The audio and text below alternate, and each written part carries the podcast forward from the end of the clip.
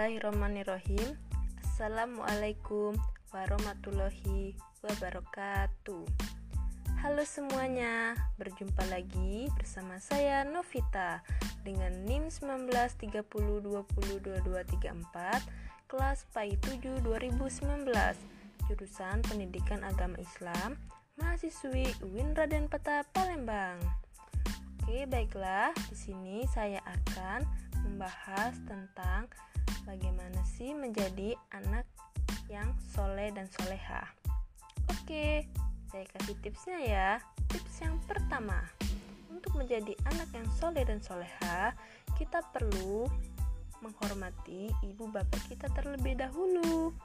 Tak kisahlah sejahat mana pun mereka atau jahat mana pun kita, kita kena hormat kepada mereka. Apa-apapun yang kita buat hormat adalah yang paling penting.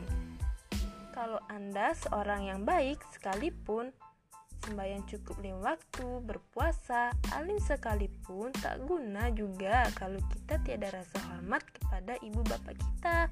Betul tak? Nih, adab dan cara untuk hormat. Yang pertama, kalau kita nak bercakap, kita mestilah cakap dengan suara yang lemah lembut. Tak perlu cakap dengan suara yang tinggi. Itu sudah menunjukkan kita tiada rasa hormat apabila bercakap dengan ibu bapak menggunakan nada yang tinggi.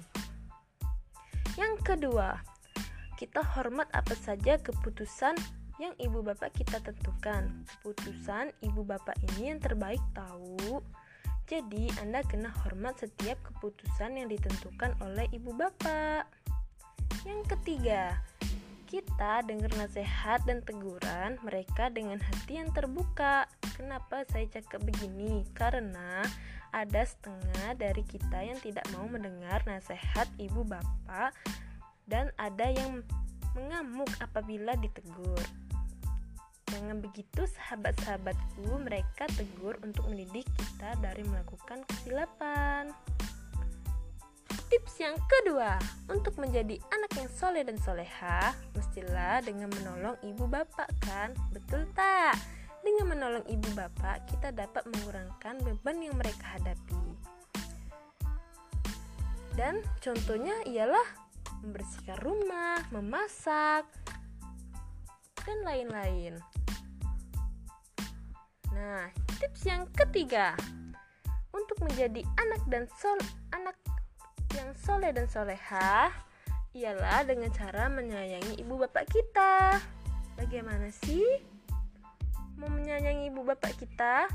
Ini merupakan cara yang mudah untuk sayang mereka. Kita buat apa saja yang ibu bapak kita suka. Tak kisahlah benda apa pun yang penting mereka tersenyum dan menyenangkan hati mereka. Sebagai contoh, kita balas jasa mereka dengan belajar bersungguh-sungguh, tolong mereka, dan sebagainya. Ini nes. dan yang keempat, pula dengan belajar bersungguh-sungguh.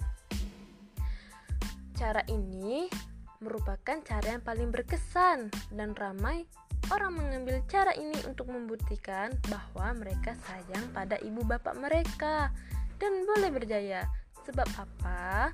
Saya kata begitu, anak yang soleh dan soleha mesti akan balas jasa ibu bapak mereka yang telah menjaga kita sejak kecil dengan penuh kasih sayang. Nih, itulah. Karena itulah mereka telah banyak berkorban untuk kita, memberi kita tempat tinggal, pakaian, kasih sayang, semua mereka berikan kepada kita tanpa minta sedikit pun duit kita. Apa saja yang kita minta sewaktu kecil dahulu kepada ibu atau bapak kita, niscaya mereka pasti akan tunaikan walaupun mereka walaupun terpaksa berkorban apa saja demi melihat kita bahagia. Ada setengah ibu bapak, ibu bapak walaupun anak mereka sudah besar, mereka tetap manjakan anak mereka. Berikan apa saja yang anak inginkan. Sebab apa mereka buat begini? Sebab mereka sayang akan anak-anak mereka. Mereka tidak mau melihat anak-anak mereka hidup susah. Jadi, sebagai anak kita perlu berkorban pula untuk ibu bapak kita. Jadi, cara hendak balas balik jasa ibu bapak kita ialah dengan belajar bersungguh-sungguh. seperti yang saya cakap tadi. Sekarang, kenapa perlu belajar bersungguh-sungguh? Sebab apabila kita belajar bersungguh-sungguh, kita dapat balas jasa ibu bapak kita. Dalam dunia ini, tidak ada ibu bapak yang mau melihat anak mereka gagal. Semuanya mau melihat anak mereka percaya.